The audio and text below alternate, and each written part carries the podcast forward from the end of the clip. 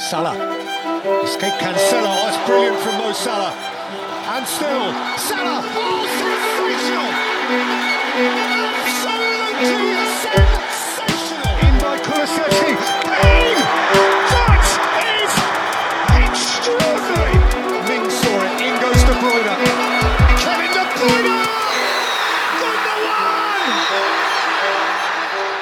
Hej allesammans och välkomna tillbaka till FPL ikväll. Det har varit en speciell omgång, den första omgången tillbaka sedan eh, fotbolls-VM spelades eh, och det gick bra för dig Gustav. Eh, hur är läget? Jo, men det är bra. Det är bra, det måste jag säga, speciellt efter en, en omgång när man landar på 99 poäng. Då, då mår man ju ganska bra. Först måste man, har man rätt att klaga lite om man landar på 99 poäng? Att man är en poäng ifrån 100? Ja, alltså 99 poäng jag hade tagit alla dagar i veckan känner jag spontant. Ja, det är lite så blir det. Så nej, jag är jättenöjd. Lite, lite, lite irriterad att det inte blev 100. Men eh, fick ju träff på i princip allting denna veckan. Eh, vi hade två spelare som skilde sig i våra lag och jag tog, mina tog 19 poäng mer. Så det liksom, visar ju lite på hur, hur små marginaler det är i det här och hur stora eh, Eh, skillnaderna ändå kan vara på, eh, i poängmässigt trots att våra lag eh, såg ganska lika ut. De flesta lag ser ju ganska lika ut och det skiljer väl två, tre, fyra spelare eh, mellan ganska många lag. Eh, men det kan ändå bli liksom ganska extrema utfall på det Eh, och det fick man ju se denna omgång. Ja, precis. Jag gick ju lite eh, annorlunda med Trossard och Foden istället för Rashford och Martinelli. Jag hade budgeten till att göra det och jag tänkte ja, men det är nog ett bra val ändå. Jag gillade Foden. Eh, jag var inte helt säker om han skulle starta den här matchen eller inte. Det gjorde han inte eh, och eh, det ledde ju till att Rashford och Martinelli var riktigt bra och tog in en massa poäng med, eh, på mig. Men eh, ja, i alla fall. Jag, vart, eh, vart landade du liksom overall eh, mässigt den här omgången? Jag gick från eh, 260 000 i världen till 155 000 i världen. Eh, så jag tog väl in ungefär hälften av det jag tappade i sista omgången inför, eh, inför VM. Det eh, var ju katastrofalt för mig. Men jag tog väl tillbaka hälften av det jag tappade ungefär. Och jag droppade från 120 000 till 178 000 för jag fick bara 80 poäng den här omgången. Så att, det var ju de där två spelarna som sagt som gjorde ganska mycket. Att, att ha Trossard när de gör tre mål mot Southampton trodde jag inte skulle bli så skadligt som det blev. Men det blev ändå ganska skadligt i och med att Mount, Martinelli, Rashford, Ödegaard, eh, Saka, alla andra levererade. Ja, det visste man ju någonstans på förhand att det är liksom, det, det, det är så, det, det, det, är små, så, det låter ju klyschigt men det är ju så små marginaler i det här. Och det finns så många spelare som är bra val på förhand. Alltså det finns ju ingen inför omgången som skulle komma och säga att Trossard och Foden var, var dåliga val på pappret. Men alla kommer ju inte göra mål. Nu gjorde ju nästan alla mål, eh, vilket inte kommer hända varje vecka. Men vi visste ju att några kommer blanka. Och eh, även fast de är lika bra val på förhand som, som andra spelare som kommer göra mål. Eh, för att det är liksom, eh, ligger i sakens natur. Eh, och då är det klart att man kan bli ganska straffad om man råkar plocka två spelare som inte gör någonting och alla andra spelare gör mål eh, i den prisklassen. Ja, verkligen. Vi har lite speciellt eh, avsnitt idag för att vi kommer då gå igenom både omgång 18 och omgång 19 eftersom det är så otroligt eh, kort turnaround mellan de omgångarna så hinner vi inte släppa något poddavsnitt mellan dem. Utan vi tar båda i ett eh, nu här och då betyder det att vi inte liksom kan gå igenom matcherna som vi vanligtvis gör utan vi eh, ja, tar ner den omgången som har varit lite och det var ju Brentford mot Tottenham som var den första matchen. Eh, 2-2 blev det i den och ja, Ivan Tony fortsätter att göra mål tills han hamnar i fängelse. Vi vet inte.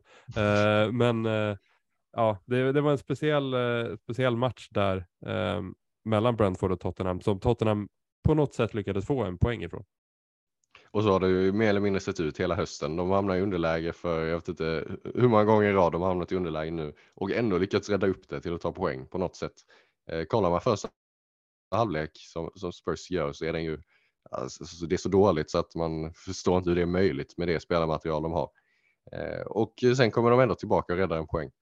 Eh, jag förstår att Kulusevski, folk som har Kulusevski är lagom frustrerade över att han inte fick assisten till eh, till eh, det målet som han spelade fram till eh, och kanske borde haft en assist.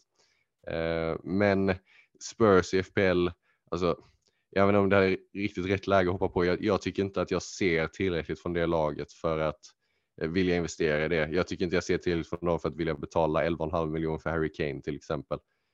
Um, visst, de har en dubbelomgång i, i omgång 20, men då tycker jag någonstans att då är det då man får hoppa på i sådana fall, om man verkligen vill ha någon spurs På något sätt så har det här varit Harry Kanes historia hela den här säsongen. Alltså att Spurs har sett dåliga ut och han får in ett mål på något sätt. Men eh, ja, han hade ju inga jättebra, han hade en nick i ribban också så att det kunde ju varit något, något mer läge. Men ja, nej, eh, Harry Kane att betala 11,5 eller vad det är för han, jag vet inte riktigt. Det, ja, det känns som att höjden inte riktigt finns där i det här Spurs-laget just nu.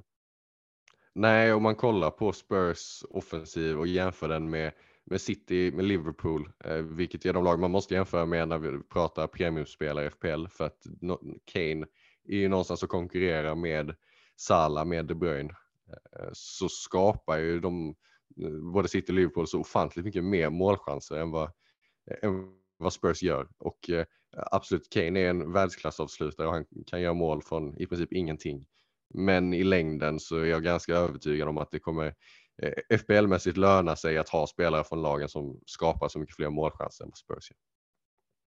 Och sen så var det intressant ändå att Perisic var tillbaka. Jag var helt chockad att han spelade den här matchen. Han var tillbaka direkt. Ja, nej, den, den är svår att förstå faktiskt när han har har liksom, Kontra har behandlat honom med silkesvantar hela hösten för att han inte ska överbelastas och så spelar han mest minuter av alla i VM och kommer tillbaka och spelar direkt. Eh, så nej, den, den var lite märklig att förstå. Det får eh, har vi något mer att säga om Tottenham Brentford eller ska vi gå vidare till den konstiga matchen som var Crystal Palace mot Fulham? Ja, men det kan vi göra och där alla som alla som var aktiva och lyssnade på vad Marco Silva sa, följde presskonferenserna, blev rejält straffade för att eh, det visade sig att det stämde inte utan Mitrovic eh, spelade eh, trots, vad, eh, trots de kommentarerna som Marco Silva eh, gav oss innan omgången. Eh, så de flesta, i princip alla, hoppade ju av Mitrovic-tåget, eh, vilket ju är lite frustrerande för att han hade ju jag är inte ensam om att liksom, sitta i en situation där man är medveten om att Mitrovic såklart hade varit i ens lag om, om Marco Silva inte hade gått ut och sagt det han sa. Um, men nu startade Mitrovic ett, ett mål, två assist, 15 poäng uh, och ja, det är så det kan gå i FPL ibland. Ja, och det är inte varje gång han får möta ett lag som bara nio man heller. Det, det jag också, vet inte vad Crystal Palace gjorde i den här matchen, alltså Mitchells tackling och sen eh, var det Tomkin som drog det andra röda? Nej, det var speciellt på hemmaplan att dra två röda och sen förlora 3-0. Det kan inte varit en eh, bra match för åskådarna att se. Nej, det är väl inte den perfekta återstarten direkt efter en månads break. Det, det kan man inte påstå. Tycker lite synd om de som chansade på Wilfried Zaha. Det är också en spelare som, som faller lite i Trossard-kategorin av att det var, inget, det var inget dåligt val på pappret och nu har de ju Bournemouth i nästa omgång så att det, det, skulle ju kunna komma någonting där. Men eh, det är klart att när man går på Saha för, för de här två omgångarna så är det kanske inte var ju kanske inte det här precis det man ville se om man säger så. Och sen alltså, jag blev fortsatt imponerad av Andreas. Alltså, det är, alltså det är otroligt hur mycket han är involverad för att vara en, vi säger, alltså han är ju inte en 4,6 spelare, men liksom Ja, han hade ju ett skott i stolpen, sex nyckelpassar, eh, och men ändå får jag inte någon poäng från den här matchen. Han hade två skott på mål. Han var ju riktigt, riktigt bra. Han skulle ju kommit iväg med eh, eh, mer poäng här. Alltså, jag hade inte haft något problem att spela han mot Southampton hemma i nästa omgång om man hade, om man behövde det. Nej, om man behövde det precis. Problemet är att man har så, eller problemet, men grejen är att man har så många bra alternativ och de flesta har sju Eh, sju andra offensiva spelare som är bättre på pappret. Eh, däremot i dubbelomgången är han ju given att starta eh, och då tycker jag att man kan, man kan starta honom och ha ganska höga förhoppningar på dem. För att det är inte den klassiska 4,5 mittfältaren utan det här är en spelare som jag sagt många gånger den här säsongen, kommer förmodligen säga många gånger till. Det är en spelare som borde kosta mer än vad han gör och en spelare där man därför kan ha förväntningar som är högre än vad man brukar ha på en 4,5 mittfältare.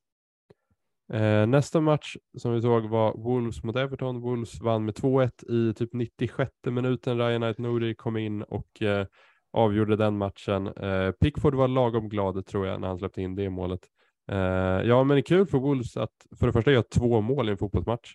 Eh, det har nog inte hänt. Ja, det händer inte jätteofta. Det händer inte jätteofta. Eh, och ja, att eh, Lotte PGI får starta eh, sin resa med Wolves med en vinst på bortaplan mot Everton.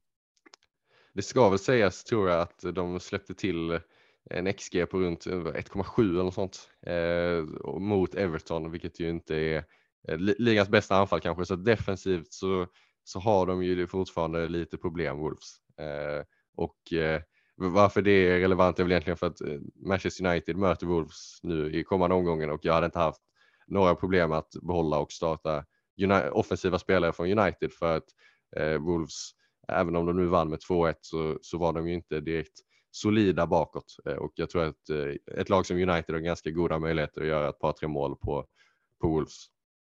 Jag trodde Killman och Collins skulle vara ett riktigt bra mittbackspar inför säsongen, men de har varit lite svajiga faktiskt, eh, båda två ska jag säga.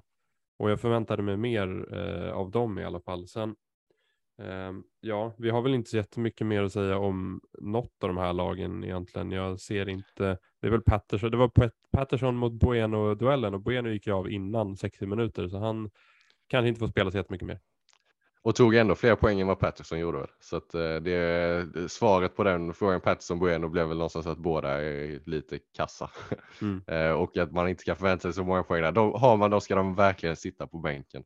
Eh, och de ska inte, ska inte vara nära någon startelva i ens FPL-lag. För att det är två lag som kommer, ja, det, det, kommer inte hållas jättemånga nollor den här säsongen. Och det är sagt, har man dem så har man dem i laget för att de är billiga och då ska de sitta bänk. Nästa match var lite mer intressant för det var Newcastle mot Leicester och Newcastle ja, vandrade igenom det där på bortaplan 3-0. Eh, Almiron fortsätter ja, som vanligt. Jag förstår inte hur eh, han kan vara så otroligt bra den här säsongen och varit så svag de tidigare säsongerna. Men han bara rinner igenom varje match bara. Ja, och målet han gjorde nu mot Leicester var ju otroligt snyggt. Eh, liksom, han spelar i så högt tempo att det bara liksom, blåste igenom hela, hela Leicester-försvaret. Eh, och då ska ju sägas att Newcastle vann med 3-0 utan Callum Wilson eh, och utan St. Maximan. Eh, så det var ju liksom, det var Almiron och sen var det Wood och Joe Linton i frontrea. Eh, och det är ju liksom, eh, Ja, hade du ställt upp den fronttrion inför säsongen så är det inte en, en fronttrio som man tror ska lösa en 3-0 seger borta mot Leicester. Eh, utan det var ju verkligen styrkebesked här eh, från Newcastle som fortsätter vara extremt stabila eh, i defensiven. Det känd, jag börjar få känslan lite av att det, det, det inte kommer räcka att ha Trippier i, i sitt lag utan att man kanske måste in med en till Newcastle-försvar. Ja, det kan vi prata om eftersom vi kommer lite till Reece James ersättare sen. Men, eh, och jag såg ju några som gick utan Trippier på Twitter. Det är ja, helt oförståeligt för mig.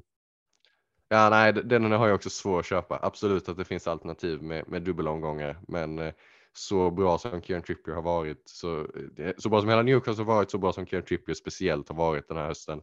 Och det, då tycker jag det finns liksom ingen anledning att byta ut honom innan man ser några tecken på att det kommer ändra sig. Eh, så det var ju någonstans lite skönt att de som, de som klev av där blev straffade direkt. Det får jag ändå säga. Och jag tycker det är lite skönt att eh, Leicesters, ja Leicesters underliggande siffror har ju inte varit superbra under deras eh, del nu här när de har hållit massa nollor.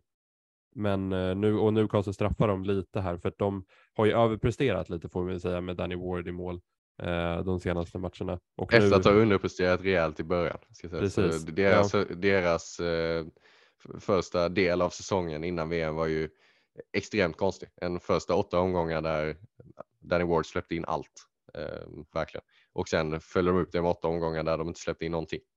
Eh, så, så det var ju väldigt konstigt och det är klart man förväntar sig att de ska liksom eh, hitta tillbaka till den nivån när deras underliggande siffror är Eh, och att de kommer prestera på, på en nivå som ligger någonstans mitt emellan att släppa in allt och att inte släppa in någonting. Så. Ja, den stora snackisen kanske var Callum Wilson ändå som missade den här matchen på grund av sjukdom var det va? Precis. Um, och uh, ja, han, uh, jag såg ju någon tweet om eh, att han inte riktigt förväntas tillbaka till nästa match, eller hur ser det ut? Jag, jag läste också något liknande att Eddie Howe hade gått ut och pratat om att han kanske behövde lite mer tid Eh, att, eh, liksom, innan han kunde vara tillbaka. Eh, och det är ju så extremt tajt mellan matcherna nu så det räcker med att du är sjuk några dagar för att du missar ett par matcher. Eh, så jag, hade jag haft Callum Wilson i laget så hade jag nog, nog, nog tittat mot att byta ut honom. Eh, jag tycker till och med att det är en spelare som jag hade prioriterat att byta ut. Alltså om man sitter med både James och Wilson till exempel så hade jag hellre bytt ut Wilson och bänkat Reece James än tvärtom.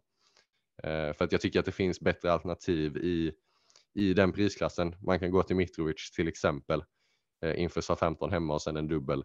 Så jag, så jag tycker att de potentiella Wilson-ersättarna har så pass hög höjd i sig att Eh, det är en spelare som man hellre byter ut. Eh, liksom, om, om, om det är akut och man behöver välja mellan Wilson och James. Och speciellt eftersom många har ju Ben White som ersättare till Reece James som de kan använda i en sån här typ av match. Eh, det är inte helt fel att spela han mot Brighton borta. Eh, Medan eh, ja, Wilson, där kan du plocka in Mitrovic. Sen så kommer han säkert ta gult mot Southampton hemma, det vet vi inte. Men eh, ja, det finns ju Martial där också. Ehm, så det finns ju allt, Enketia finns ju också. Och eh, ja, nej, eh, ersättare till Wilson finns ju en del. Jag tycker det är svårare att hitta till Reece James, men det kommer vi till lite senare. Eh, vi kan ju gå vidare till Brighton mot eh, Southampton då.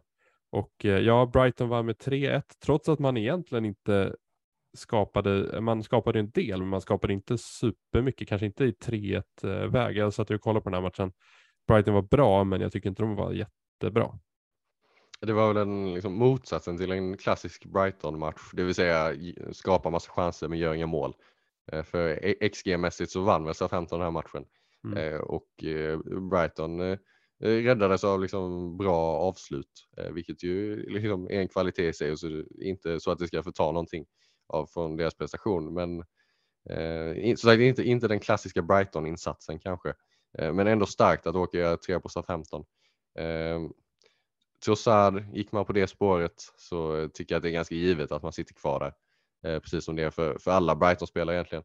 Eh, för att det, här, det är lite rörigt framöver gällande vilka potentiella dubbelomgångar som kan komma i omgång, omgång 21, 22, 23 och, och framöver. Eh, men eh, enligt eh, dubbelomgångsgurun Ben Krellin så har ju Brighton någonstans en 70 75 procentig chans att eh, få en dubbelomgång i omgång 21. Vilket ju någonstans är ett rejält plus för alla Brighton-spelare FBL-mässigt. Så jag tycker har man Brighton-spelare så, så måste man sitta kvar där såklart. Ja, och det var, jag tyckte det var lite roligt att de räddades av klassavslut. Man brukar inte eh, koppla den meningen med Solly March direkt som gjorde, eh, jag tror han har varit den sämsta avslutaren i Premier League den här säsongen och fick äntligen göra mål.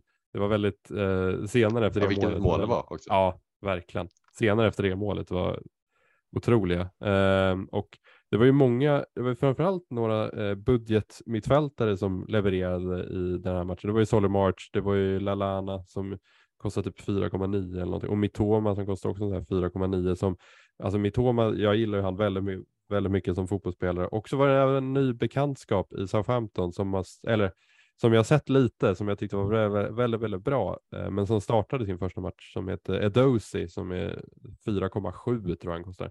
Kanske inte eh, något så här superalternativ FPL, FBL, men eh, om man vill köra på någon eh, differential som har 0,1% egenskap så är Southampton ska man väldigt, väldigt bra. Och han, alltså Edosi är en fin spelare, det ska sägas, eh, från vad jag sett i alla fall. Det säger bara. Ja, nej, jag, jag tar väl lite med eh, Andreas Pereira-sidan av den här eh, budgetmittfältardiskussionen. Eh, men det är klart, vill, det är som du säger, vill man, vill man verkligen ha in en spelare som absolut ingen har Eh, så är det klart att man kan titta mot Southampton. Eh, men man ska också komma ihåg att det finns en anledning till att absolut ingen har de här spelarna. Så är det. Klart att man lyfter in Edosi i sitt draftlag i alla fall. Det är, det är en sak som är säker. Den här matchen. Eh, men där kan du plocka in alla de spelarna du inte vågar plocka in i FPL. Ja, jo. Det är liksom för risk. Det kan man säga. ja, vi kan ju gå vidare till jag vet inte om vi har så mycket mer att säga. Jag tycker fortfarande att alltså Dunk och Estopinian är ett helt okej val för Brighton. Jag tror att Estopinian kommer spela nästan allt nu framöver. Så att, ja, Men jag vill ändå, Trossard, startar mm. du, du startar honom före Andreas Pereira nu när han möter Arsenal? Eh, ja, för att eh, Trossard gör ju bara mål mot topplag tydligen, så att, eh, jag tror att det, jag, alltså jag måste ju nästan göra det. Det är ju en, speciellt när Trossard spelar som anfaller, vilket han kanske kommer göra nu när Welbeck är eh, borta så känns det som att det ska finnas ytor bakom den här Arsenal-backlinjen. Eh, det såg vi ju lite att ehm, ja, eh, Bowen fick, bland annat när han fixade straffen där mot, eh, Arsenal senast. Så att, eh, jag hoppas att Trossard kan göra något liknande. Ja, nej, det, det är verkligen som du säger, det är en otrolig statistik i liksom, målfördelningen mellan när Trossard möter topplag och när han möter bottenlag. Eh, och det, det är som, han gör verkligen bara mål mot topplag. Det, gör, liksom, det, det är, är, ganska svårt att få grepp om den statistiken och hur mycket man kan läsa in i den. Eh, men alltså, någonstans måste det bero på någonting. Så att, eh, jag hade tagit samma beslut faktiskt, eh, även om många kanske eh, lockas av att starta Andreas Pereira när, när det är SA-15 hemma så hade jag fortfarande behållit tron på Trossard och startat honom i hemma. Och sen är det ju på hemmaplan också mot Arsenal, så jag tror att Brighton kan få eh, några lägen i alla fall. Men det, det känns ju som liksom den bästa Trossard-matchen är ju i omgång 20 hemma mot Liverpool. Då känns det som att då, då, då, då kan de, igen. Ja, då kan det bli hattrick igen. Men eh, Liverpool bland annat som vi kan gå över till nu, för de mötte Aston Villa.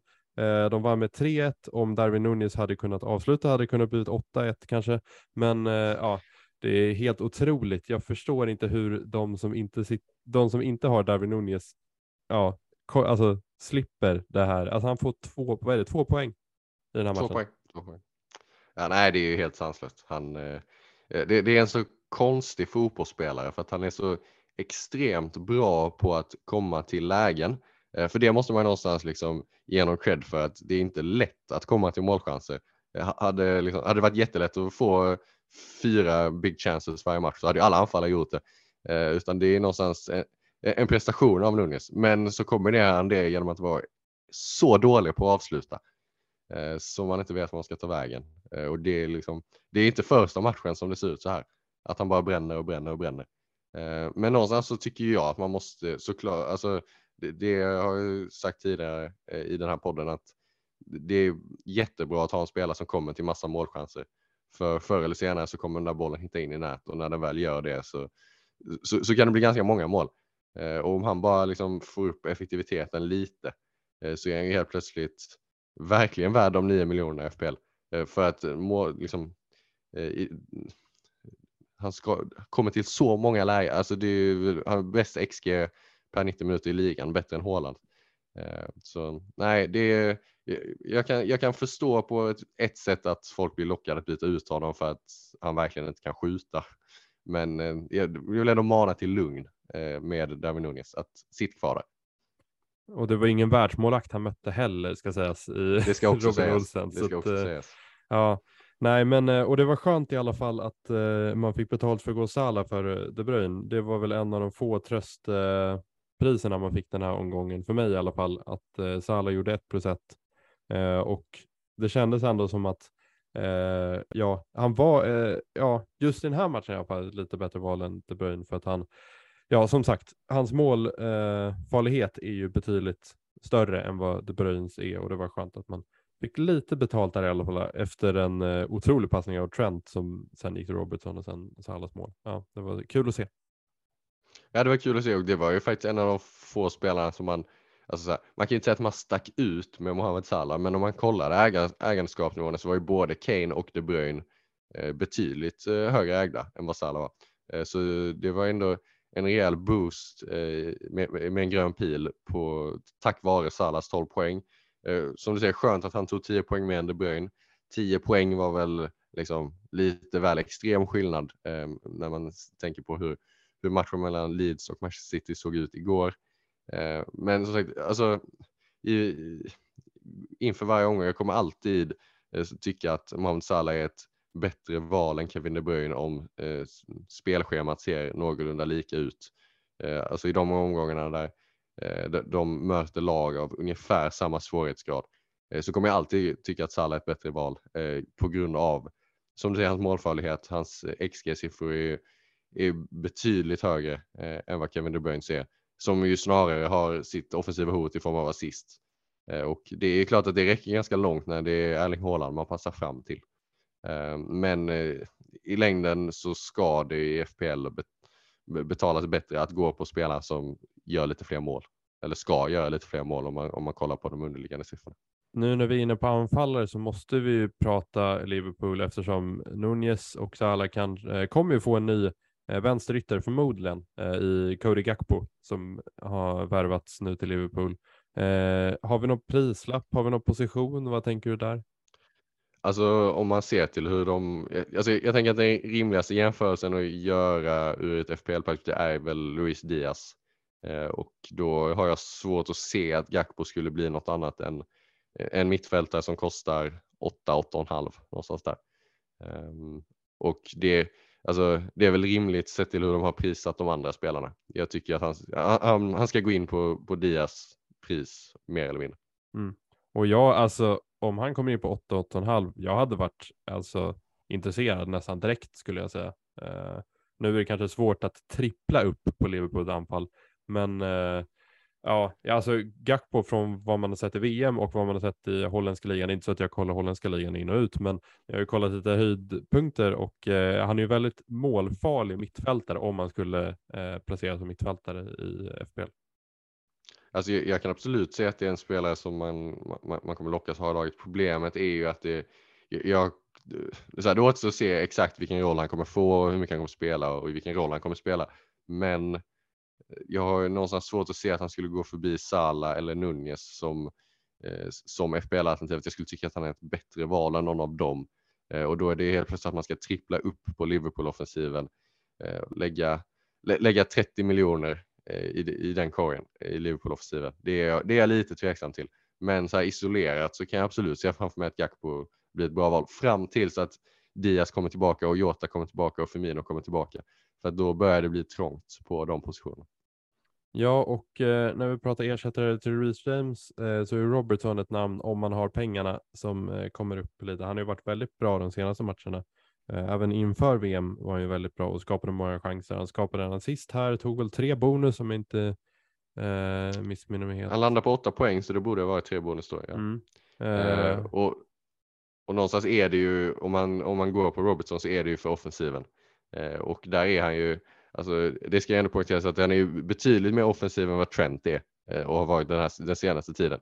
Eh, för att eh, ex, expected goal involvement siffrorna för Robertson är ju i princip typ dubbelt så höga som de är för Trent om man kollar de senaste omgångarna och då så som man väljer mellan dem så tycker jag det är ganska väldigt givet att gå på Robertson.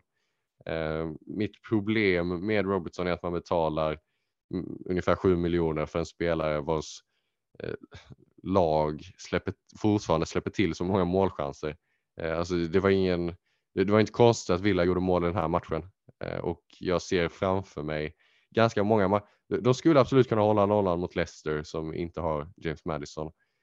Men framöver så ser jag ändå ganska många matcher där de kan släppa in mål och då, då förlitar man sig ganska mycket på den här assistpotentialen eh, och man betalar ändå ganska mycket pengar för Robertson. Så det är det som gör att jag är lite tveksam. Ja, och eh, jag vet inte hur mycket mer vi har att tillägga kring den här matchen mellan Liverpool och Aston Villa. Jag tycker nästan vi kan gå vidare till Arsenal West Ham där eh, ja, som sagt, jag gick utan Martinelli. Det straffade sig lite. Jag tycker att jag eh, var lite hard done by att det straffades för att Martinelli i den här matchen var inte jättebra. Han hade ett skott tror jag på hela matchen och knappt en skapad chans och det skottet var ju en tabbe av Fabianski ska sägas. Alltså den... det, det, det ska sägas, den ska jag inte släppa in. Mm. Men jag är fortsatt imponerad av Arsenal-offensiven. Eh, jag tycker att det finns så många FPL-alternativ där. Det är synd att man bara får ha tre spelare från ett lag. För att, om vi pratar liksom isolerat tycker jag Martinelli, Enketia, Ödegård, Saka och eh, hela backlinjen är bra val i FPL. Eh, och då handlar det någonstans bara om att välja tre och hoppas att man har tur. Mer eller mindre. För att eh, de är i princip lika bra val eh, på pappret. Och det är liksom bara hoppas att det, det studsar ens väg med, med de man går på. Men du sitter helt utan Arsenal-offensiva. Ja, precis. Och det, var ju, det, det är ju verkligen inte så att jag inte tycker om Arsenals offensiv, utan det var ju mest att jag ville se lite hur Arsenal spelade med Enketia och jag tänkte att poängen skulle fördelas ut eh, lite, jag visste inte riktigt vem jag skulle gå på av de här, utan jag tänkte att Trossard kommer vara lite mer main man i Brighton och ta liksom poängen där och då, ja, då, alltså den som jag gillar mest i Arsenal-offensiven skulle jag ändå säga prisvärt är Ödegård just nu. Ja, men hur ser liksom planen ut? För någon gång måste ju in med Arsenal. Ja. Jag sitter ju med, med Martinelli redan, men jag börjar redan kolla på när, hur snabbt jag kan dubbla upp. I princip.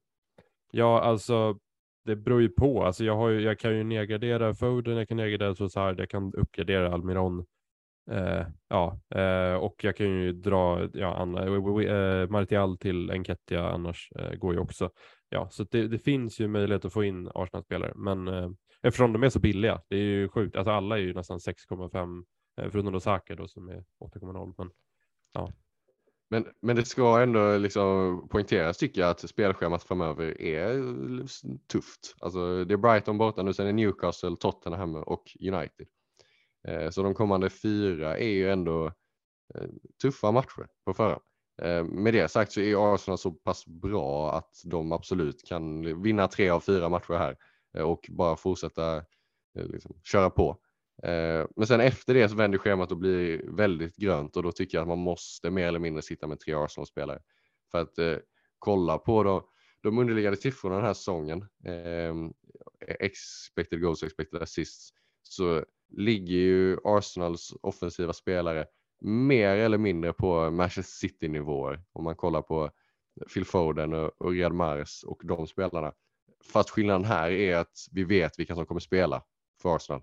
I princip varje match, samma elva. Eh, och hur ofta har man inte sagt liksom också att om vi, om vi har Phil Foden med garanterad speltid så hade jag plockat in honom i laget utan, utan att överhuvudtaget bry mig om hur spelschemat ser ut borde man inte resonera lite liknande med, med Saka, med Ödegård, med Martinelli eh, nu när Arsenal ser ut som de gör? Jo, jo, det är, det är helt, ja, jag håller helt med och eh, Ödegård framförallt är väl den spelaren jag gillar mest för att han känns som att han underskattas lite av FBL managers och FBL Twitter i och med att han eh, inte har varit en så poängspe poängstark spelare, spelare tidigare utan ja, nu får nu har Ödegaard utvecklats till någon form av eh, liksom målgörare, assist, eh, ja, assistskapare, allt möjligt egentligen och han är ju lite mer eh, avancerad i sin roll också märker man när han följer in i boxen på ett helt annat sätt den här säsongen än vad han gjorde säsongen tidigare. Alltså omgång, omgång 1 till 16 så var ju Ödegaards expected goals bättre än både Saka och Martinelli och på det eh, skapar han fler målchanser. Så att om man bara eh, kollar liksom blind på de underliggande siffrorna så ska ju Ödegaard gå före Martinelli. Eh, och det hade han någonstans gjort för mig om jag inte hade haft massa värde uppbyggt i Martinelli eh, och ändå varit så trygg i det valet långsiktigt att jag inte kände att det var, det var värt att byta, liksom gå från Martinelli till Ödegard nu inför omgång 17. Det, det, det tyckte jag inte riktigt var värt eftersom de ändå är så pass jämna. Eh, men jag kan ändå någonstans känna att Saka och Ödegård är de två jag hade haft om, om jag hade valt idag eh, och jag hade kunnat strunta i att jag byggt upp värde i, i Martinelli. Eh, och eh, för, för det är som de underliggande siffrorna är bra för Ödegård. Han har levererat hela, hela säsongen och det finns inte så mycket, eller det finns inget som tyder på att det ska liksom sluta komma leverans där. Och sen Saka tycker jag också är, liksom, han, han, är ju målfarlig. Han är någonstans nyckeln i offensiven tillsammans med Ödegård och tar straffarna eh, framför allt. Det är ändå Eh, en viktig del tycker jag. Det, det tillför ganska mycket att ha en mittfältare som tar straffar. Eh, ja, då kan vi gå vidare till tisdagens matcher och eh, Chelsea mot Bournemouth där Chelsea vann 2-0. Reece James eh, gick ut skadad några minuter innan. Eh, vi ville att han skulle göra det om vi nu eh, ville att han skulle gå ut skadad överhuvudtaget. Men det fanns ju en risk får man ändå säga med Reece James att eh, han eh, skulle gå ut skadad för att ja, han har ju varit borta ett tag och ja, hans, eh, jag vet inte om du såg det med hans Instagram tränare var det var. Han verkade inte jättenöjd med att han eh, med att Potter spelade Reed James i den här matchen för han verkade inte vara helt fit. Nej, precis. Han, eh, den, den, uh, Rhys James, vad ska jag säga, hans personliga tränare eh, la väl ut eh, no, no, någonting som bara kan tolkas på ett sätt och ska tolkas som att han, han var arg över att Potter och staben lät James spela överhuvudtaget för att eh, det, det har gått för fort i rehab, rehabprocessen att James inte riktigt var redo. Eh, och det är liksom det är omöjligt för oss eh, FBL-managers att veta sånt på förhand. Vi har inte den typen av insyn. Och när man, han har tränat med laget ett bra tag och spelade 60 minuter i, i den sista träningsmatchen inför omstarten. Och eh, jag tror Potter sa det att planen var att han skulle spela 60 minuter i den här matchen också och sen skulle de plocka av honom. Eh, och det hade ju någonstans varit det, det perfekta scenariot eh, för oss som har honom i, i laget. Att han får 61 minuter så vi får den hållna nollan och sen så får han vila och starta nästa match efter det och spela 60 där också. Nu gick han ju sönder med 10 minuter kvar, blir borta en månad ungefär. Så det är ju bara bara byta ut antingen denna omgången eller, eller nästa omgång beroende på vem man har som kan fylla i den här veckan från bänken. Ja, precis. Man lär ju behöva ersätta han eh, ganska snart och det är ändå några som kollar mot Chelsea backar i och med deras bra schema. Man vann här 2-0 hemma mot Bournemouth, man höll nollan och Kukureya är det ju en del som kollar mot. Eh, även Aspilicueta har jag sett eh, kommit upp som alternativ nu när Reece James är skadad. Jag vet inte om jag är så superstort fan av någon av dem. Jag vet inte om deras offensiv eh, ge, alltså, jag vet inte om deras offensiv är värd eh, deras, eh, hur mycket de kostar. Eh, jag, när man Reece James gick man ju för, för offensiven mycket och eh, ja, det finns ju inte riktigt samma där i Kukureya och Aspilicueta. Jag trodde Kukureya skulle vara lite mer offensiv när han kom till Chelsea, men han har inte varit så offensiv den här säsongen tyvärr. Nej, hans siffror har inte alls eh, liksom varit eh, wingback-siffror. Eh, och precis som du säger, anledningen till att man kunde dubbla upp på Kepa och James, eh, eller anledningen till att jag gjorde det i alla fall var att James har, ju, har en 18 poängare i sig. Liksom. Det kan komma när som helst och kan ha det offensiva hotet som man, som man vill ha eh, eh, från en spelare för det priset. Men nu, alltså jag tycker inte att, absolut det är Nottingham Forest och sen är det en dubbelomgång. Men om man kollar på dubbelomgången i sig så är det Manchester City där kommer, kommer det inte hållas någon nolla. Eh, och sen är det Fulham, eh, med eller utan Mitrovic, förmodligen med Mitrovic. Eh, där jag inte heller är så säker på en nolla. Eh, skulle jag gissa så tror jag att Fulham kommer göra mål där. Eh, och då, då, liksom, då tycker jag inte att det är värt att byta in en till Chelsea-back. Jag utgår från att de flesta har Kepa. Ehm, så då, då, tycker jag inte att det är värt att dubbla upp när det inte finns något alternativ med det offensiva hotet som, som vi hade i Reece James. Ehm, och eh, dessutom så med Kukureya så är det ju en, en spelare som är lite, lite kortsiktig i och med att eh, Chilwell kommer komma tillbaka. Eh, in, oklart när, men han kommer ju förr eller senare vara tillbaka och vara liksom en del i den ekvationen av vem som ska starta på vänsterkanten. Ehm, och så med det sagt, man kommer behöva byta ut Kukureya igen efter ett tag. Eh, och då liksom, när man väger samman allt det så, så tycker jag att det finns bättre alternativ. Visst kan Chelsea spela Lewis Hall där också som vänsterback? Det kan, de, det kan de absolut. Mm. Eh, så det finns ju alternativ. Eh, dock skulle jag väl kanske tro att Lewis Hall får fa Cup-matchen som ligger mellan matcherna i, i dubbelomgången och Kukurea startar i Premier League. Det skulle ju vara min, min utgångsgissning men det, man vet ju aldrig med Potter. Alltså han kan ju spela vem som helst på vilken position som helst i vilken match som helst mer eller mindre. Eh, och det, den rotationen går ju knappt att förutsäga. Eh, men just Chelsea-defensiven har man redan Kepa. Alltså, Kepa tycker jag är ett jättebra val eh, för att han har eh, räddningarna och bonusen eh, som liksom eh, inte så många, alltså det, det, är en ganska ovanlig kombination att få en målvakt i topplag Eh, som kommer hålla en hel del nollor som dessutom har bonus och räddningspotential och bara kostar 4,5. Eh, så han tycker jag är ett jättebra val. Men att dubbla upp eh, när det inte finns någon Reece James längre, det, det är inget alternativ för mig.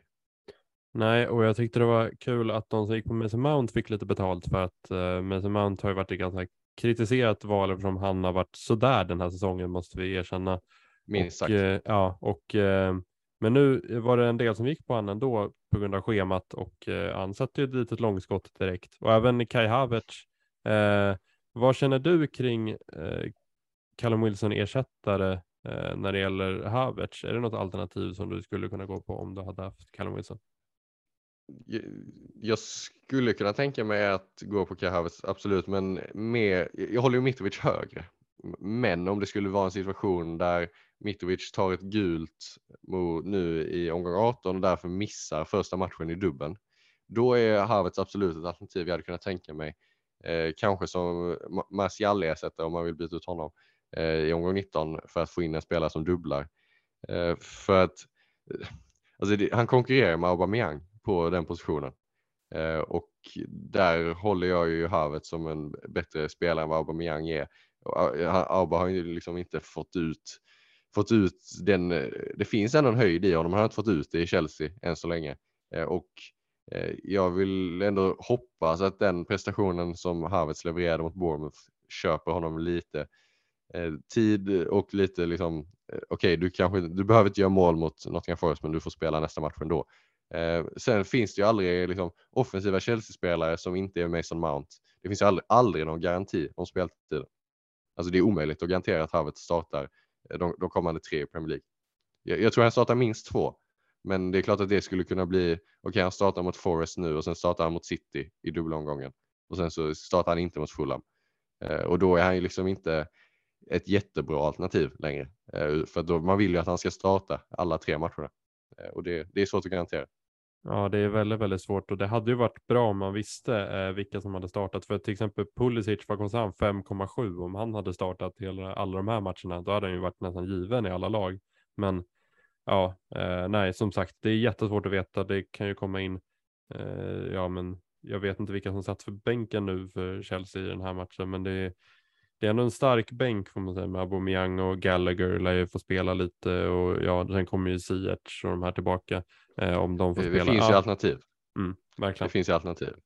Eh, men jag tycker att när Havertz väl spelar eh, så är det liksom en spelare jag hade absolut hade kunnat tänka mig att ha i laget eh, för de här matcherna. Problemet är ju speltiden. Kommer han få spela? Eh, det är liksom, vill man ha speltid, säker speltid, ska jag säga, i de kommande omgångarna så är det Mason Mount för att han startar mer eller mindre varje match. Och eh, speciellt om Kovacic inte spelar så, så är han extra viktig. Ska sägas att han tar en lite mer tillbakadragen roll eh, när Kovacic inte är med. Men han har ju ändå, eh, som vi såg på Bournemouth, han har långskottet eh, och eh, var ändå liksom, han är konstant involverad. Eh, så det tycker jag inte är ett dåligt val. Det sa vi ju eh, inför omgång 17 att det, han, han, brukar leverera när spelschemat blir enklare. Så precis som alla spelare gör det är naturligt, men Mason Mount kanske li, lite mer extremt. Eh, sen kan jag också känna att om man skulle gå på Mason Mount så kanske det var inför omgång 17 så man fick med den matchen också. Men med det sagt så är det, liksom, det är inget dåligt val för de kommande två. Det tycker jag inte. Eh, då, går vi, då går vi vidare till Manchester United mot Nottingham Forest och eh, ja, Eh, jag tänkte att Marcus Rashford straffade sig rejält och eh, han var ju riktigt, riktigt bra i den här matchen. Det kändes som att han drev förbi eh, varje spelare som han mötte med bollen. Det var imponerande att se och jag fick ju, ja, jag blev lite frustrerad på mig själv att jag inte hade med honom, men för jag trodde det var ett väldigt, väldigt bra val såklart, som alla andra trodde. Och han levererade verkligen den här matchen, precis som Martial som ändå valde att ta med till slut i laget. Så det var väl i alla fall någon form av tröst. Ja, det var eh, nog omgångens eh, finaste ögonblick faktiskt när eh, Hennessy lyckas missa bollen typ på Martials avslut. Och man får det, känslan att få ett mål när man har både målskytten och den som passar fram. Och dessutom i det här fallet var det inte två spelare som, alltså det var inte, det var inte De Bruyne som passade fram till Håland och man hade båda, för som alla liksom, så, jättehögt ägda, utan det var ju faktiskt ganska viktiga poäng, Rashford och Martial. Eh, så, så, så, det var ju väldigt skönt att få leverans där. Det var ju någonstans den matchen man var tvungen att få leverans i för att det skulle eh, löna sig att gå på liksom, dubbelt United eh, anfall. Eh, och jag tycker att de såg bra ut. Rashford framförallt såg ju jättevass ut. Hade han bara fått bollen på de löpningarna han fortsatte ta hela matchen så hade det ju kunnat bli minst en return till. Eh, så jag tycker ju ja, min plan har ju liksom alltid, eller alltid, det har, min plan har varit att eh, skeppa Rashford eh, efter omgång 19. För de har ju tre bra matcher, 17, 18, 19 och sen så är det City och Arsenal efter det. Eh, och då var, var min plan någonstans att växla över Rashford till Saka kanske, eh, eller, eller Foden eller någon i, i den kategorin. Jag är inte så säker på att jag kommer göra det längre. Det kanske är liksom att överreagera på den här matchen. Men som vi sa i fråga 17, det är en spelare som förra säsongen kostade 9,5 i FPL och han kostade 9,5 av en anledning. Nu, har han blivit, nu kostar han 6,5 och det är ju samma spelare egentligen. Man skulle kunna argumentera för att det är en bättre spelare än vad det var förra säsongen. Ehm, och då kanske det är bara en sån spelare som man bara ska ha i laget och behålla. Ehm, Gör det. Ja, alltså helt ärligt, jag har inte sett Rashford så mycket bättre eh, som han är just nu och som sagt, de här matcherna som är det här tuffa spelschemat som kommer, det passar lite Rashford i hans eh, spelstil får man ändå säga. Så jag hade haft svårt att byta ut honom även fast schemat ser eh, tufft ut.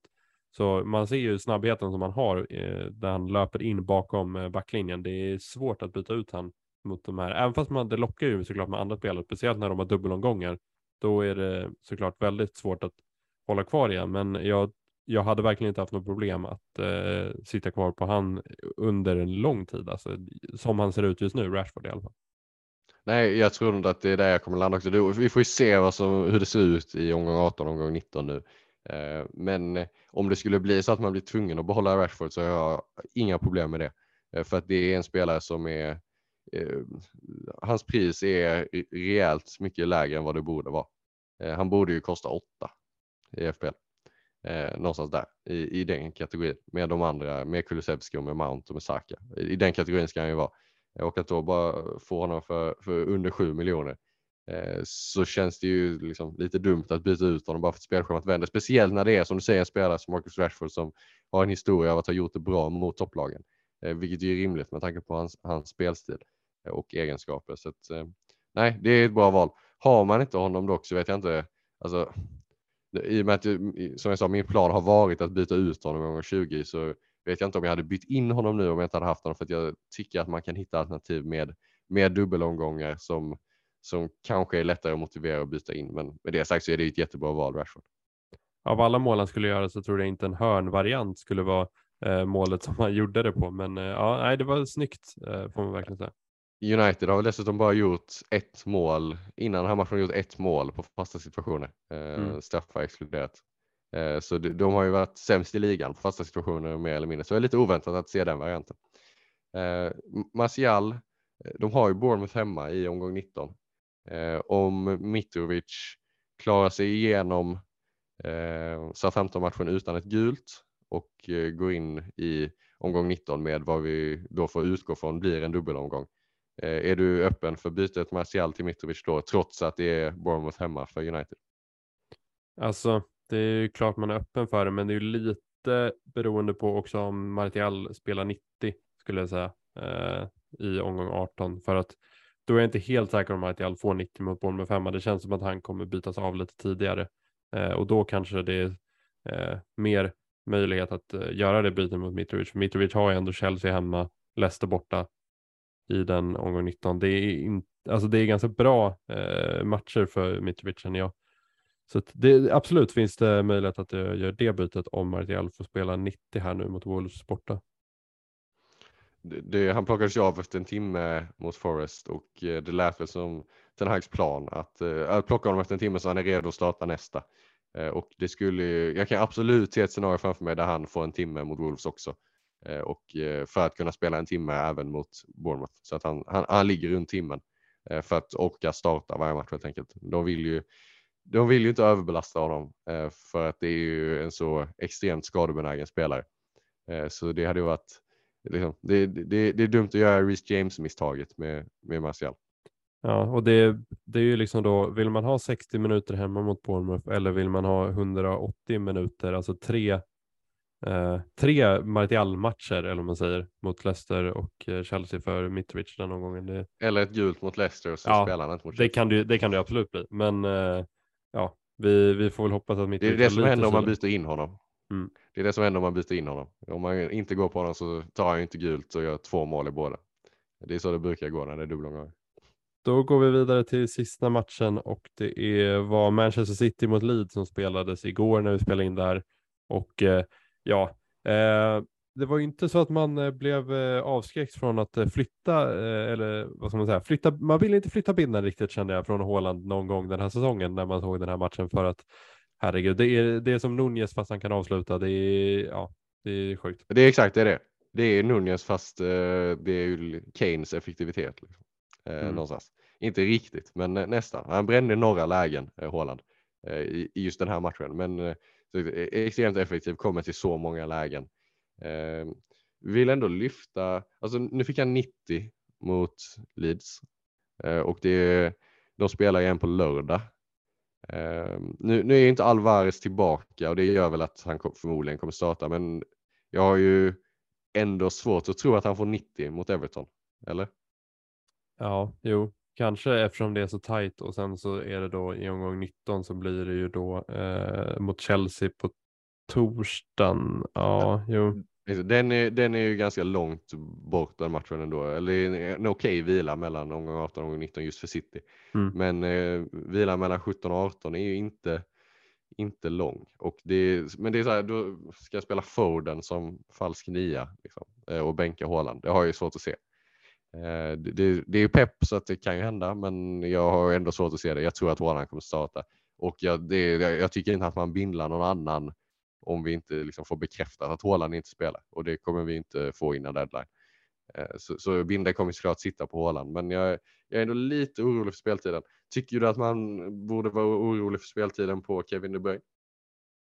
Um, bra fråga. Um, nej, jag skulle inte säga det. Jag skulle nog, alltså inte, jag, jag, vet inte vad man skulle göra med Kevin. Har man valt han så håller man ju han och man kommer inte binda han. Alltså det, ja, man kommer inte sälja direkt utan ja, men ja, man behåller ju och sen så får man hoppas på det bästa med De Bruyne. Jag tror inte att det kommer vara så stor fara. Jag är ju mer orolig kring Foden, men hade Foden spelat falsk nia hade jag definitivt eh, tagit det i den här matchen mot Everton. Men eh, tror du att Foden startar ändå? Det känns ju, man vet aldrig med Pep, men eh, nu just eftersom det är så tajt. Jag, jag tror inte att Grealish och Mares kommer starta på ytterkanterna igen. En av, en av dem borde ju få vilan och, och Foden spela. Ja, jo så är det. Även fast alltså Grealish och Mares tyckte jag båda var väldigt bra i den här matchen. Så att, eh, det hade ju. Ja. Det är Grealish som inte kan avsluta riktigt, men eh, nej. förutom det så. Ja, nej, men eh, jag tror att eh, den här matchen passar Foden ganska bra, förhoppningsvis hemma mot Everton.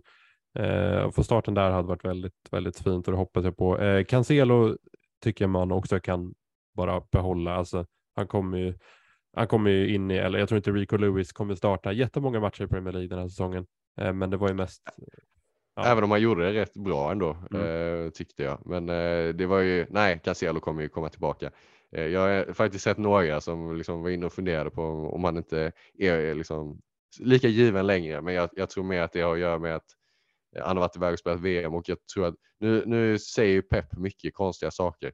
Eh, han eh, hade ju en kommentar om att de spelarna som varit iväg och spelat VM var de som var mest fit eh, och mest redo eh, och det stämde väl inte i alla fall. Eh, nu han hade också en kommentar kring Leeds-matchen att han spela, valde att spela de spelarna som var mest fit eh, för att Leeds spelar så intensivt. Eh, och då tyckte han väl inte att Cancelo var, var redo riktigt. Eh, men med den korta pausen mellan matcherna nu om 17 och 18 och det faktum att Cancelo hoppade in och spelade en halvtimme så, så tror jag att vi kan räkna in starten, starten mot Everton. Eh, det, det, det, tror jag ändå. Jag, jag vill också säga att det var lite skönt att City släppte in mål faktiskt så att de som gick på Ederson inte, inte fick betalt för det. För att det är verkligen, alltså, jag, jag förstår varför folk gick på Ederson men det är ju det tråkigaste valet man kan göra i FPL. För att det är, du betalar 5,5 miljoner för att i varannan match få 6 poäng och varannan match få 2 poäng. Det, är liksom, det händer aldrig mer än så. Nej, om du inte får en uh, assist från 100 meter som uh, Ederson. Ja, ja. Men uh, ja, och det var ju ändå, en det var ändå några jag såg som gick för både till Ederson och Kepa och sen får Kepas nio poängare på bänken och Edersons två poängare. Nej, det var lite, lite synd för just dem. Men ja, det kan ju vara lite som i Cancelo att han har gått ner lite nu motivation. Det kanske tog lite hårt ändå att eh, bli bänkad i VM och sen åka ut med Portugal ganska, eh, ja, mot, eh, det var mot Marocko, nu ja. mitt VM. Ja. Um, ja, så det kanske tog lite hårt mentalt på Cancelo, men eh, ja, vi, jag tror jag tycker inte att man ska vara orolig. Nej. Alltså, nej, det, det han kommer ju med största sannolikhet starta mot Everton och gör han inte det ja, då, då, då får vi se. Men jag, jag tror att liksom på lång sikt är han ganska given i den där backlinjen ändå. Um, det, jag vill ändå liksom lite hämta hem eh, varningsflaggan på sit, alla övriga citybackar mer eller mindre för att det var eh, Laporte startade ju inte till exempel utan det var eh, och det var inte så att vi sa, sa att Laporte inte kommer starta men det var ändå den City, ja, folk som gick på mittbackar från City så var Laporte ändå det valet jag såg, såg liksom flest gånger i flest lag. Eh, men man vet ju aldrig vilka som kommer starta där. Det finns ju Ake, Stones, Akanji, eh, även om Diaz är out så det finns så många alternativ. Och nu satt både Cancelo och Walker på bänken dessutom som, som kan gå in och ta platser i den backlinjen. Så att eh, det, det vi liksom slog fast inför förra omgången tycker jag, för mig i alla fall, står kvar. Liksom, att det rör inte de andra citybackarna för att det, det, det är för riskabelt med speltiden. Ja, jag håller helt med och eh, ja, när man kollar på Reece James ersättare, det är inte så att man kollar på någon eh, cityback riktigt skulle jag säga. Eh, när det gäller ditt egna lag, Reece James är ju förmodligen den jag antar att vi båda kommer sälja inför den här omgången. Vilka, vem är du närmast just nu att ta in i ditt eh, lag skulle säga inför nästa omgång? Uh, inför nästa omgång så är jag faktiskt närmast att inte ta in någon alls uh, och spela Ben White uh, och bänka Rich James, spara byte och sen kolla och se vad jag vill göra inför omgång 19. Det är inte helt säkert att det kommer bli så. Nackdelen, nackdelen är ju att Rich James kommer ju gå ner i pris en gång förmodligen. Man kommer tappa lite värde. Men jag är ganska fine med att spela Ben White. Eh, de har hållit nollan, Arsenal har hållit nollan i sex av åtta bortamatcher den här säsongen och har hållit sex av sina sju nollor på bortaplan. Det är bara en nolla på hemmaplan, resten på bortaplan och även om Brighton är bra offensivt så kan jag absolut se framför mig en matchbild där Arsenal lyckas stänga ner dem eh, och spela lite mer eh, riskminimerande än vad de kanske gör på hemmaplan och kontrollera den matchen till en 1-0, 2-0 vinst. Eh, så därför har jag, liksom, jag har inga problem att spela med White denna veckan ehm, och kommer förmodligen, det är favorit på att jag kommer göra det. Men sen ska han ju ersättas i omgång 19 eh, och då är det ju beror på lite vilken prisklass man vill gå till. Vi har pratat om Robertson. Jag har ju pengarna till Robertson eh, om jag vill. Men då, det kommer ju kosta mig på liksom, att jag inte kan ta in en Saka kanske på mittfältet. Och det vet jag inte om det är en uppoffring som jag är beredd att göra. Nej, nej, det är helt förståeligt. Alltså, även fast jag gillar Robertson som val så är 6,8 fortsatt lite, lite dyrt för någon som inte knappt håller några nollor överhuvudtaget. Så att, eh, men för min egen del så är det ju, ja, vem är det jag kollar upp mest? Det är nog ändå Båtman ändå skulle jag säga. Eh, en spelare som man får lyfta i och med att han kostar, vad är det, 4,5 eller 4,4? 4,4. 4,4 och ja, han värvades ju inför säsongen som en ganska stor värvning för Newcastle och eh, har ju verkligen eh, presterat eh, hittills och ja, jag, jag är imponerad av Båtman även fast han kanske inte tar jättemycket bonus. Det känns lite som en Ben White. Eh, han, är, han är lite bättre på bonus då. Han var, inte, han, var, han, han var ändå med på topplistan i bonus eh, nu mot Leicester och eh, trots att eh, Newcastle gjorde tre mål framåt. Eh, sen, är det ju, sen kommer ju Trippier alltid ta eh, mer bonus än Båtman om de håller nollan. Eh, men han har ändå potential till några bonuspoäng vill jag ändå hävda. Och jag, jag, jag håller med dig, det hade varit mitt första val också. Eh, och eh, så där, också, det, om jag känner att jag verkligen vill spela Båtman hemma mot Leeds istället för eh, White mot Brighton, då kanske jag gör det bytet redan nu. Eh, men för, för det tål, liksom, tål verkligen påpekas hur bra Newcastle är defensivt. Alltså speciellt på hemmaplan har de ju om man räknar bort eh, när de mötte City hemma så har de ju knappt släppt till en, en liksom big chance på hela, eh, hela säsongen på hemmaplan. Um, så de är ju extremt stabila och det ska också tilläggas att eftersom alla har Trippier så är ju en enda chans att tjäna lite på Newcastle-nollan är ju att dubbla upp. För att det är ju liksom, den blir ju irrelevant om alla har en. Eh, så spelar det ingen roll vad, vad Trippier gör. Utan då behöver du ju en till Båtman till exempel för att tjäna någonting på att de håller nollan. Och hålla nollan kommer de ju göra framöver också. Jag har inte jättegoda minnen från att dubbla upp på Newcastle försvar eh, med, i och med att jag hade Pope tidigare och eh, Target, eller vad säger eh, Trippier eh, lyckades ju på något sätt bytas ut hela tiden, typ tio minuter innan Newcastle släppte in, så Pope fick alltid två poängar och då tjänade man inte så mycket på att ha en Newcastle-försvarare. Men eh, Båtman det känns ändå som att man eh, kommer vara eh, trygg i det valet. Eh, även fast de inte har några dubbelomgångar så. Jag tycker det är lite roligt när jag går in, det här är jättesidospår här nu, men eh, jag går in på Newcastle backar och kollar på Båtman. Eh, kommer du ihåg Jamal Lewis i eh, Norwich. Det gör jag. Jag hade, han- honom i ett, eh, jag hade honom i en omgång tror jag när han spelade för Newcastle och hö- höll nollan faktiskt. Så Mm. FBL-mässigt har jag ändå lite positiva minnen från Jamal Lewis.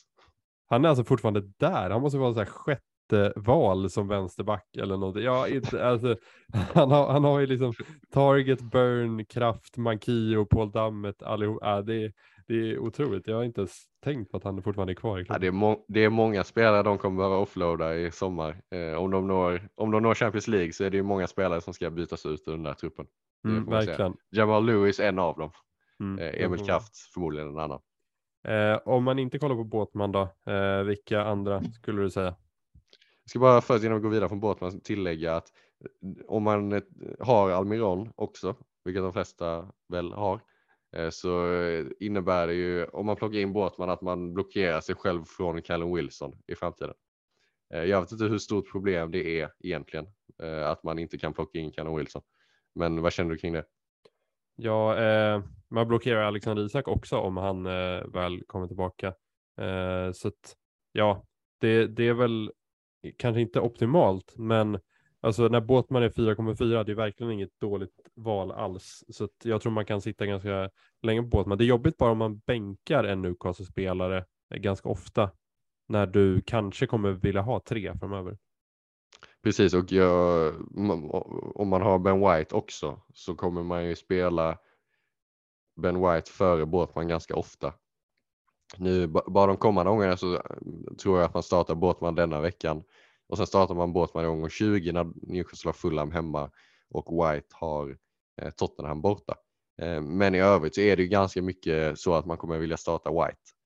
Eh, och då ska ju Båtman sitta på bänken för en eh, i ganska många omgångar. Och det är precis som du säger, liksom, vill man inte, jag, jag kan se potentiellt att, man, att vi hamnar i en situation där man vill ha tre Newcastle-spelare på planen eh, varje vecka för att de är så bra. Eh, och då kan det ju bli så att det är lite av ett slöseri att ha Båtman först på bänken. Men med det sagt så för 4,4 så skulle man ju kunna argumentera för att han är, han är ännu bättre värde än vad Callum Wilson är. Mm, ja, verkligen. Eh, och som sagt, har du några andra eh, spelare som du kollar mot när det gäller ersättare? Luke Shaw vill jag lyfta Mm. faktiskt för att de- den är lite, jag vet inte vad man ska kalla den om den är kortsiktig. Den är kortsikt, kortsiktig och långsiktig men kanske inte så bra liksom där mittemellan. Eh, För de kommande två matcherna är ju fina. Det är Wolves och sen är det Bournemouth. Eh, Ska ju ha minst en hållen nolla där. Sen är det ju City och Arsenal efter det. Och, eh, och, och, och de matcherna kanske är Marcus Rashford-matcher, de är inte Luke Shaw-matcher. Ehm, så där vill man ju inte behöva spela honom. Ehm, men sen efter det så blir det schemat okej okay, och hyfsat grönt därefter. Så att, jag, vet inte, det, jag, jag tycker att nu när Martinez rapporteras vara tillbaka eh, och ska spela eh, så då flyttar ju Shaw ut på vänsterbacken igen. Tyckte han gjorde det ganska bra som mittback i omgång 17 mot Nottingham Forest. Ska, det är ju liksom mot Nottingham Forest så att han testades ju inte jättemycket. Men var ju bra i den rollen och tog ju, eh, tog ju två bonus. Jag vet inte om det är någonting som kommer fortsätta när han spelar ytterback för att det borde ju till ganska stor del på att han slog extremt många passningar i, i matchen Forest och eh, satte 90 procent av dem till rätt adress. Det var det som gjorde att han tog bonuspoängen. Oklart om det kommer att fortsätta när han spelar vänsterbacke, Men eh, en, jag tycker ändå Uniteds defensiv är, är rätt bra och till 4,8 Shaw har bonuspotential och har assistpotential offensivt. Jag, jag tycker ändå att det är ett, eh, en spelare som man kan överväga. Ja, jag håller helt med. Det är Luke Shaw gillar jag som alternativ. Han, eh, och på tal om att det inte var Luke Shaw-match, jag, fick bara tänka på den här Manchester City-matchen när han gjorde mål. Eh, jag vet inte om du kommer ihåg den, det var nu under corona tror jag, eller någonstans där.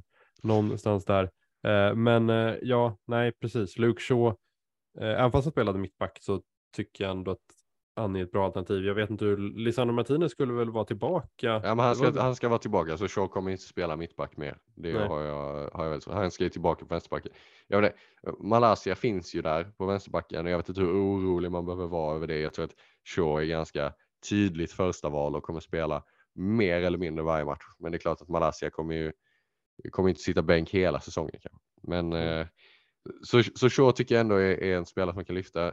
Mitt största problem med Shaw är vad man gör i omgång 20. när han möter Manchester City och White möter Tottenham. Även om jag vill starta någon av dem eh, den omgången egentligen. Så att, eh, det, det, det är en situation man sätter sig själv i om man går på Shaw. Men det finns ju ganska goda förutsättningar för att det ska betala, eh, betala av sig under de två kommande omgångarna och sen framöver på lång sikt.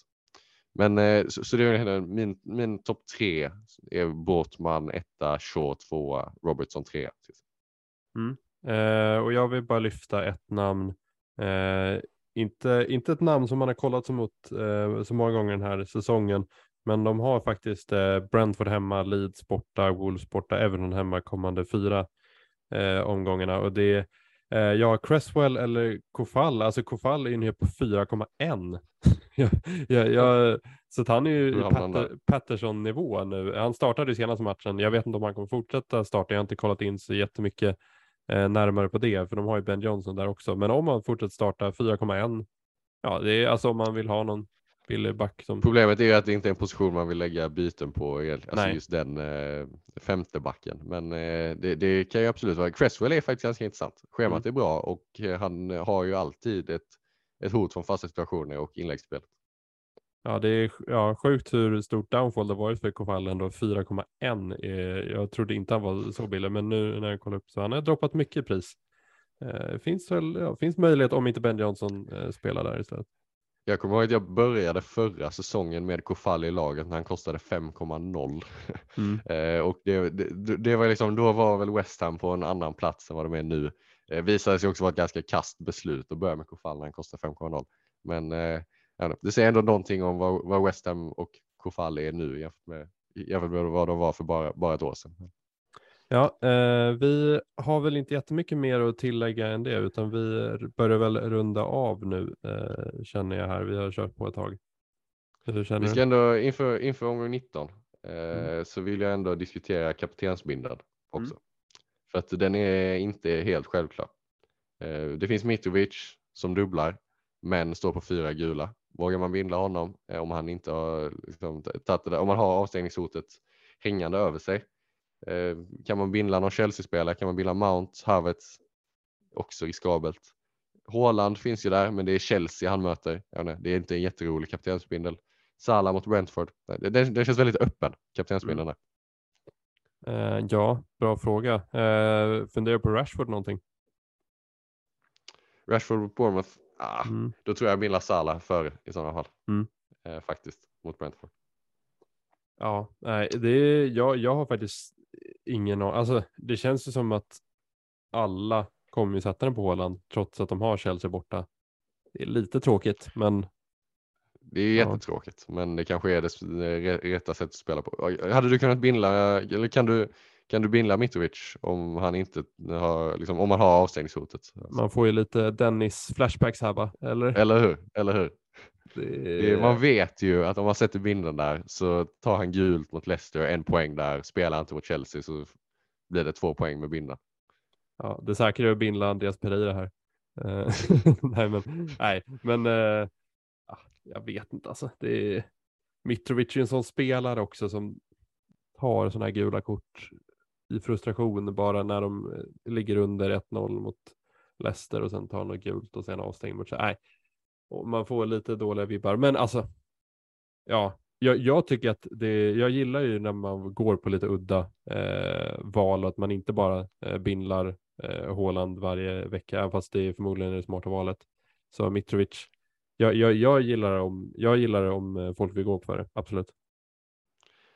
För just är det någon gång man inte ska bindla Håland kanske, så är det ju när det finns en dubbel, det är en dubbelomgång och Håland har Chelsea. Eh, men samtidigt så har jag liksom svårt att, att konkret hitta ett alternativ som jag tycker är bättre än Holland.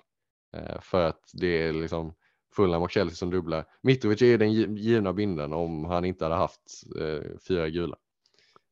Så det, det, är det som gör det svårt. Och med Chelsea som jag sa innan, man vet ju inte vilka som kommer spela. Mason Mount hade jag kunnat tänka mig att binda om jag hade haft honom i laget. Nu är liksom det steg ett, få in honom i laget i sådana fall. Men eh, det är också Chelsea. Jag hade kunnat tänka mig att binda Reece James faktiskt om, jag, om han hade eh, varit skadefri. Men nu försvann ju det alternativet också. Eh, och det är inte utan att man känner att man borde kunna hitta en roligare bindel än Håland, men eh, det kanske inte går. Men det ska sägas också att uh, Mitrovic är ju ingen, det är ju ingen Dennis, det är ingen Veghorst. Det är ju det är bättre uh, kvalitet är bättre. på den spelaren. Uh, och ja, så att jag, jag tycker att det är ett intressant val ändå. Jag tycker definitivt den debatten ska tas upp för att vi måste, speciellt de som ligger efter, måste hitta lite annorlunda eh, vägar att gå än att binda Håland varje vecka, tror jag. Eh, för att det är ju där poängen kommer ju eh, ramla in, alltså på kaptenspinnan. Men som sagt, jag tror ju samtidigt tror jag inte Chelsea håller nolla mot City. Alltså det, det kan man ju inte säga, utan man tror ju ändå att Håland gör ett mål och då måste man ju backa Mitrovic att göra fler. Så, ja. Nej, det är, sp det är spännande debatt ändå. Innan vi rundar av ska jag ta lite frågor bara som skickar ut Twitter. Mm. Eh, Mattias Nilsson undrar om man ska bänka Almiron, Bruno Fernandes eller Martial nästa gång.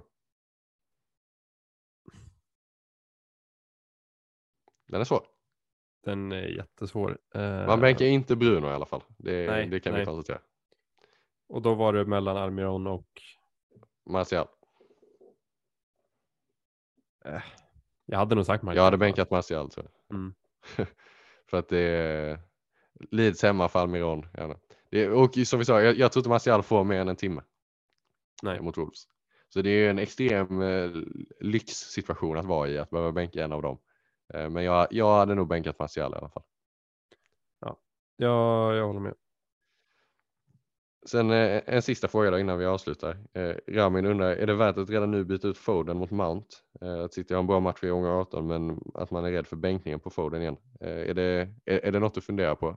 Nej, inte alls. När jag har Dreams så kommer jag inte göra det och Foden, jag tror väl ändå att Foden startar hemma mot Everton och då, alltså, det känns ju som att Foden kan göra två mot, alltså jag ser inte, jag ser inte liksom problemet med det utan även fast Mount har varit, ja, han var ju bra här senast mot Bournemouth, men jag tycker att när de väl spelar båda två så håller jag Foden klart mycket högre än vad Mount gör.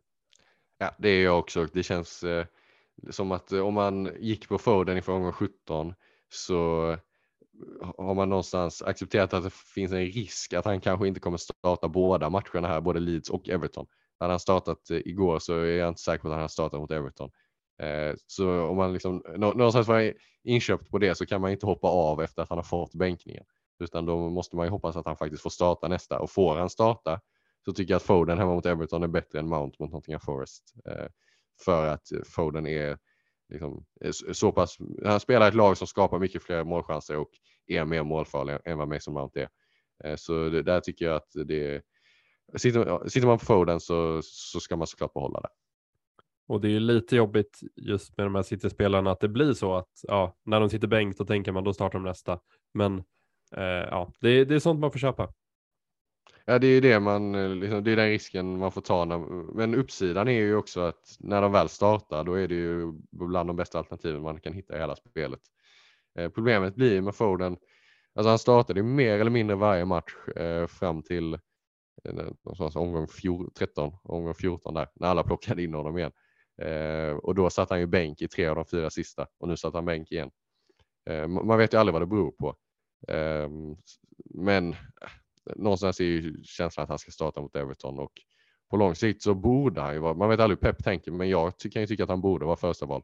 Eh, att han eh, båda är, bättre till vänster än vad Grealish är och bättre till höger än vad Maris är. Mm. Ja, men, men som sagt, Pep är Pep. Så. Jag håller helt med. Uh, ja, vi, du hade inga mer frågor va? Utan vi kanske? Nej, de, resten hade vi tycker att vi hade diskuterat ganska bra. Det var Cancelo och James och så vidare. Det, det tycker jag att vi har pratat om rätt, rätt bra. Ja, men då eh, rundar vi av och tackar för oss eh, den här, eh, ja, de här dagarna. Det kommer ju bli kort turnaround som sagt till Game Week 18 och Game Week 19 så vi hinner inte släppa något eh, däremellan. Men eh, lycka till nu över eh, den här perioden och eh, gott nytt år får väl ändå önska alla som lyssnar där ute. Eh, tack så jättemycket. Ha det bra. Hej då!